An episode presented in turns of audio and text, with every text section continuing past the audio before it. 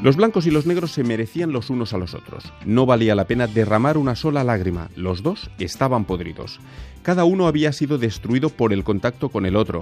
El África negra, con sus tiranías de pacotilla, sus generales de campo y sus emperadores, devuelve a Europa sus propias características, pero convertidas en una caricatura grotesca.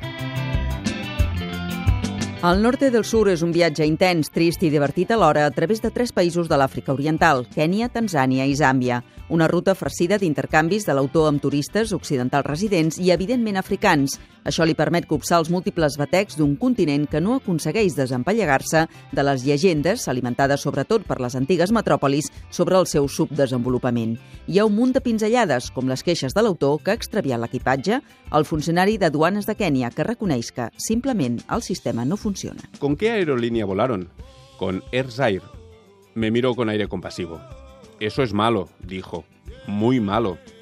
Lo mejor será que se olviden de su equipaje. Però més enllà de les anècdotes, el que l'autor recull és un constant reguitzell de les particulars opinions, sempre equívoques, que els occidentals tenen dels africans. La ignorància sobre la realitat dels conflictes més enquistats. Este lugar me da mal rollo, dijo la inglesa robusta en voz baja. Ha habido masacres y esas cosas por aquí, ¿verdad? Su discípula, sorbiendo una bebida amarilla, miraba la fotografía. ¿O me confundo con Ruanda? Arrugó el cejo pensativa. Tanto Ruanda como Burundi han tenido sus masacres, dijo su gurú. Pero no te preocupes, en general solo se matan unos a otros, nunca tocan a los europeos. O casi nunca. Kènia, Tanzània o Nigèria. Prejudicis sense fronteres. Encuentro que los africanos son un pueblo muy espiritual. Se han mantenido más cerca de la naturaleza que nosotros, más cerca de Dios. ¿Quiere decir que han permanecido más primitivos? Hizo una mueca. No me gusta esa palabra, prefiero decir sencillos. Así es como deseo que sigan siendo.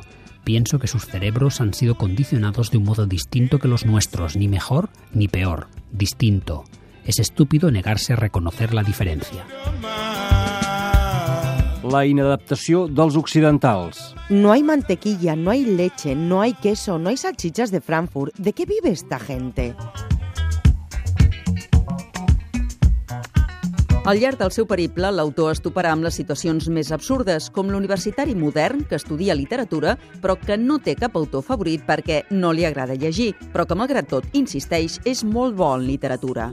O la dona que es lamenta de la pols i la brutícia de les reserves naturals, o els intents infructuosos de l'autor per sortir de Dar es Salaam en tren, avió o autobús, atrapat en les deficiències estructurals del sistema de transport. L'autor dibuixa el difícil encaix del sistema socialista als indrets africans que trepitja, el domini creixent de la Xina al continent i, d'una manera especial, l'animadversió que l'Àfrica pateixen els asiàtics. Però també hi ha una classe mitjana africana que menys té el seu propi sistema i que busca gent com aquest anglès instal·lat a Kènia per rebre una educació estrictament britànica. Sus clientes estaban comprando una educación inglesa y pagaban unas matrículas bien altas por ese privilegio. No querían que les enseñaran otros negros. Però amb les seves llums i ombres, l'autor no oblida un dels trets més destacats d'aquest continent sorprenent, la màgia i la bellesa inesgotable dels seus paisatges, com l'illa de l'Amo. Me advirtieron que es un lugar que seduce y corrompe. Allí cantan las sirenas y llevan a la perdición a hombres incautos. Es una isla habitada por comedores de loto, homosexuales, jurís o mujeres voluptuosas. Cuidado, cuidado. Naturalmente, tenía que ir.